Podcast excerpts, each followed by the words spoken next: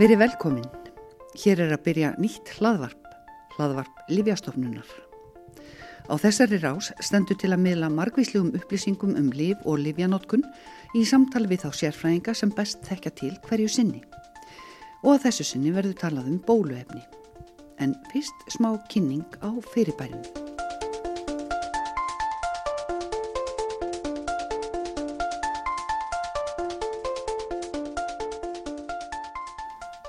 Einhverju kynna velta fyrir sér hvers vegna Libjastofnun byrjar á að miðla efni með þessum hætti. Nú er svo sem ekkit algengt að stofnunni bjóð upp á hlaðvarpsrás. Hlaðvarpi Libjastofnunar er stýrt frá upplýsingadeild stofnunarinnar. Deildastjóri þar er Jana Rós Reynistóttir. Hvers vegna hlaðvarp? Já, það er ekki nema óðum spyrir. Þetta er kannski svolítið óvennilegt. Hérna, það er nú ekki margir sem, að, sem að eru með svona forma upplýsingamiðlun en Þetta er bæði, bæði er þetta aðgangsmál, það er að segja þetta er, þetta er enn önnu leið til þess að miðla upplýsingum umfram hérna vef og, og slíkt. En sumir kunna kjósa að lesa efni en svo eru aðri sem að, sem að hugnast betur að hlusta á, á frettir og, og annað efni sem er miðla þannig að hérna, jú, þetta er aðgangsmál en svo er það líka stefna að liðastofnunar að fjölga uh, leiðum til upplýsingamidlunar þannig að, að þetta, er, þetta er skref sem við stígum í þá átt. Og þarna gefst líka kannski tækifæri til að miðla já, meiri umfjöllunum um ímis sérefni heldur en kannski er sett sem fréttir á vefinn það? Já, algjörlega, því að við höfum nú, stefnan okkar hefur verið svo að við hérna miðlum upplýsingum á vefinn Uh, og, það, og það er mikið til upplýsingar fyrir hérna, fólk í fæinu, það er að segja fólk sem vinnur í, í hérna, lífjafyrirtækjum, heilbriðstarfsfólk og, og almenning líka og það eru oft fréttir sem að varða nýjungar í bæði hjá okkur á Íslandi en sömuleiðis hjá Lífjastofnun Evrópu og fréttir að fundum þar og svo framvegis. En, en þarna gefst okkur líka tækifæri til þess að að miðla upplýsingum um kannski mál sem við erum ekkert endilega að fjalla um í, í hérna á vefnum okkar. Og, og þannig gefst okkur kostur á að, að, að fræða hlustendur og þá ekkert endilega okkar helstu markkópa heldur sem á, við höfum á vefnum heldur, heldur líka erum að reyna að ná meira til almennings með þessum hætti. Nú er Lífjastofnun í, í miklu og nánu samstarfi við Lífjastofnunir uh, í Evrópu og uh, já, hvernig, veistu hvernig þessu málum er hátt að þar eru menn að setja á stofn hlaðvarp? Já, ég veit að, að mínir samstagsfjallar hjá dönsku livjastofnuninni að þeir, þeir eru að setja í gang svona hlaðvarp og fórstjórin þeirra, hann Tómas Senderovits, hann er einmitt mjög dögulegur að fara í svona viðtöl hjá e, þeim sem eru með vinsæl hlaðvörp þarna í Damörku og hérna og ég veit að þau, þau hafði hugsað sér að, hefja hlaðvarpi með þeim hætti. Það er að segja að fóstjórum færi í, í viðtal og, og svo kemi kjálfari þetta hlaðvarp þeirra. En ég veit reyndar ekki hvernig þau mál standa en, en það verður formyndilt að fylgjast með. Hverjar eru svo væntingarnar til hlaðvarps lífastofnunar? Já, við vonum auðvitað að, þetta munum mælast vel fyrir og að fólk hafi náttúrulega fyrst og fremst gaman af en líka auðvitað gagn og endilega ef þið hafið tillögur að efnistökum þá getið sendast til okkar á upplýsingadeild allifjastofnum.is og við hérna tökum þær til skoðunar.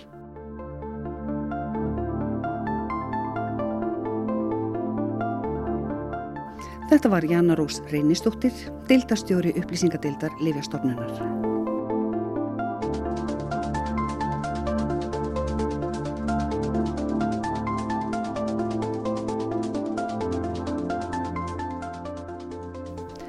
En þá að því fyrsta sem við ætlum að fjalla um, bóluefni.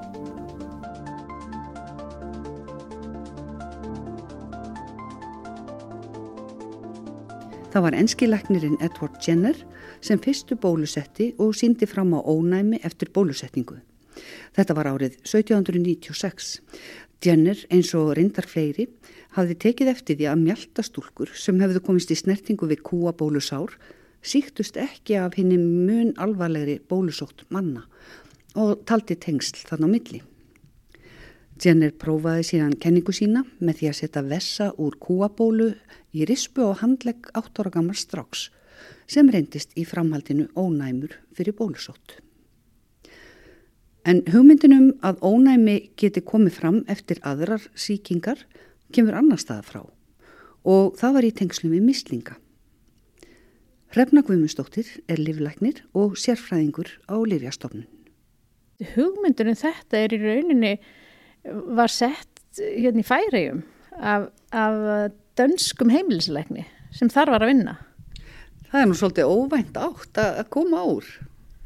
Já, en þetta var bara greinilega mjög góður læknir sem að leitt vel í kringum sig og hann tók eftir því að það var faraldur þarna í færiðum í kringum 1850 og hann tók eftir því að, að gamla fólkið sem gaf sögum það að hafa fengið þennan sjúkdóm að það vektist ekki og hann kom með þessa hugmynd að, að líka minn lærir og þekkir þessa veiru og síkist ekki aftur af henni. Að gamla fólki var komið einhverja vörn.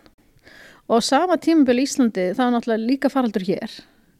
Og það er ekki svo langt síðan að það var læknanemi við háskólan sem að skoðaði eh, dánartíðinni fólks á þessum tíma í gegnum þessar skrár, skrár sem við eigum hér í þessu landi og og tók eftir því að, að það var þrefaldur dánatíðni þetta mislinga ár með að við árið á undan og þá voru það börn og ofriska konur sem að, sem að dóðu út af mislingafaraldri.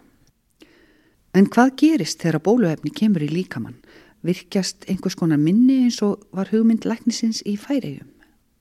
Já, það er nákvæmlega það sem gerist sko, að þarna er í rauninni í tilfelli mislinga þá er þetta veiklu veira hún er það veik að helbriðar einstaklingar, þeir fá engan sjúkdóm eða ekki að fá sjúkdóm við því að fá veirun í sig.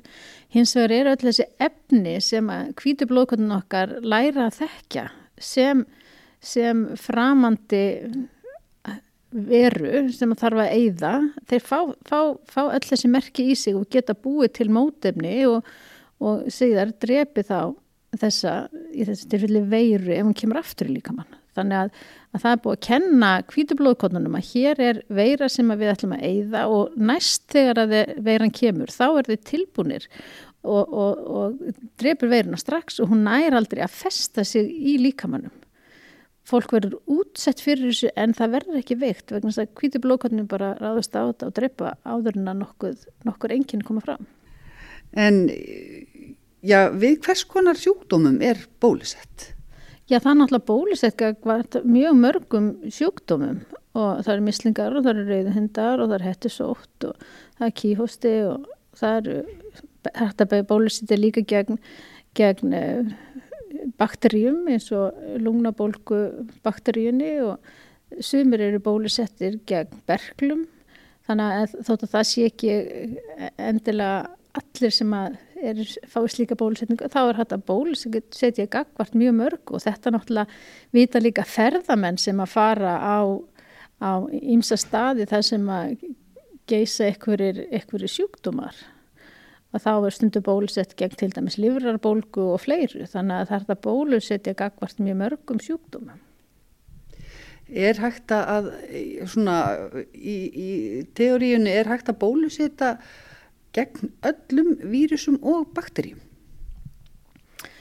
Já það þarf náttúrulega að rannsaka þetta alltaf í hverju tilfelli fyrir sig og það náttúrulega er ekki, ekki endilega hægt að bólusetja gagvart öllu og, og stundum þarf að, stundum þarf að bólusetja uh, aftur og aftur gagvart sömu verin. Þetta þekkjum við náttúrulega í tilfelli influensu.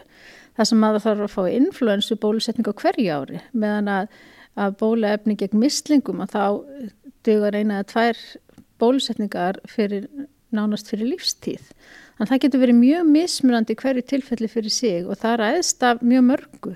Það ræðist af eitthvað hvort að veiran eins og til dæmis influensa breytir sér frá ári til árs eða hvort að hún er, stöð, hún er ekki að breyta sér og þá, þá þarf ekki að, að, að breyta ónæmis svarinu ef að veiran er alltaf eins og já, þannig að þetta er mjög mismunandi.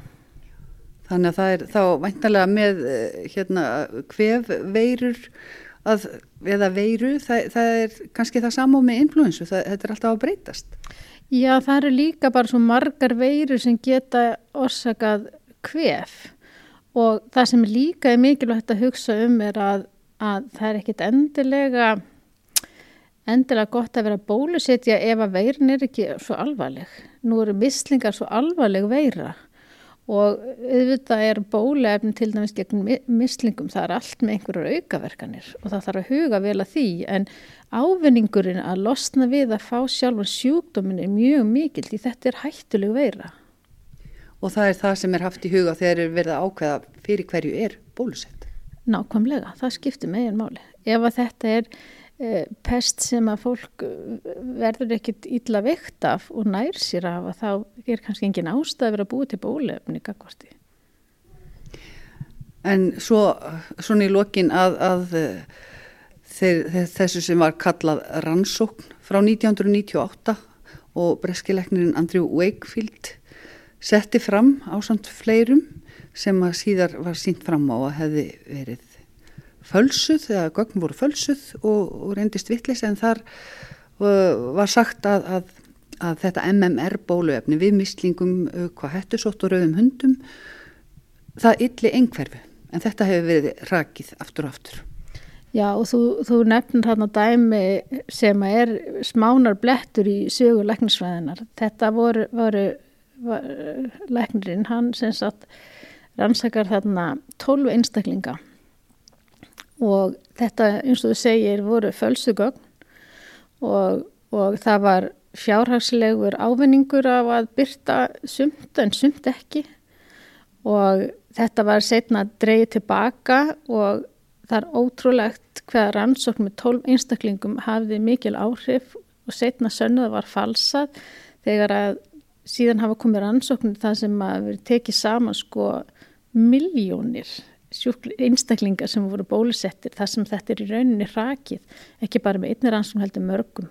En afleðingarnar af þessu, þessari niðurstöðu voru mjög miklar því að kannski eðlilega þá fóru fóreldrar hættuður við að, að verja börnin sín og það hafa komið fram nokkrir faraldrar í nágrannarlöndum. Það sem að hjarðónæmið náðu þá ekki að vernda, vernda þá sem eru ekki bólusettir og það náttúrulega annað í þessu sem er mikilvægt er að við verðum all, sennilega aldrei með sko 100% bólusett fólk eða útsett fyrir einhver því að suma viljum við ekki bólusetja. Það er náttúrulega ófriska konur, við viljum ekki bólusetja börn yngre en árs, eins á skumlið allavega nýju mánuða viljum við ekki bólusetja því að það er ekki vita hvernig svörnun er hjá þeim að vil býða og þessir einstakling og náttúrulega einstakling líka sem eru ónæmisbærandi meðferð af, af ymsum orsökum. Þetta fólk vilju kannski heldur ekki bólusetja. Og þessir einstaklingar verða að reyða sig á hjarðónæmið. Og þá eru að tala um að það þurfa að vera minnst 92, sannlega 95% bólusettur að þeir fólk sem hún nefnir í þessum hópum það verður að treysta því að nánast allir aðrir séu bólusettir. Já, nákvæmlega og hérna og það er, það er bara þannig. Þannig að þessi, þessi falskenning hún er búin að valda skada og eh, virðist ekki alveg vera virðist ekki vera laus við hana ennþá. Nei, sérstaklega náttúrulega hérna í, í já, nákvæmulöndum þá hafa komið upp mislingafaraldrar. Nú, nú hafa greinst tilfelli hjá okkur og, og við búum náttúrulega á tímum það sem mikið er um ferðalög. Bæði ferðumst við mikið erlendis og síðan koma ferðamenn til okkar þannig að við, ef að það er mislingafaraldur í nágranna löndunum eða einstaklingar þar þá byrjum við þetta auðvitlega heim og, og, og, og þetta er náttúrulega, við viljum ekki að hætta þessu. Heyrið þú eitthvað um uh, þessi meintu tengsl engferfu og, og MMR bólaefnisins heyrið ennþá svona sögur? Það lifir svolítið í, það eru svona einhverja glæður þarna uh, úti og, og fólk verður óverugt hverju á það að trúa. Þannig að ég held að það sé bara mikilvægt einmitt að taka þetta upp í umræðinni og fræða fólk um að þetta er bara maður sem að græti pening á því að byrta þessi, þessi gögn, þetta var falsað og þetta er ránt og það þurfa bara að vera með skýr skilabóð um það. Og hann misti lækningaleifi líka. Já, allt dreyið tilbaka, misti ekki lækningaleifi og náttúrulega bara með stóran svartan blett á sinni fyrirlskrá.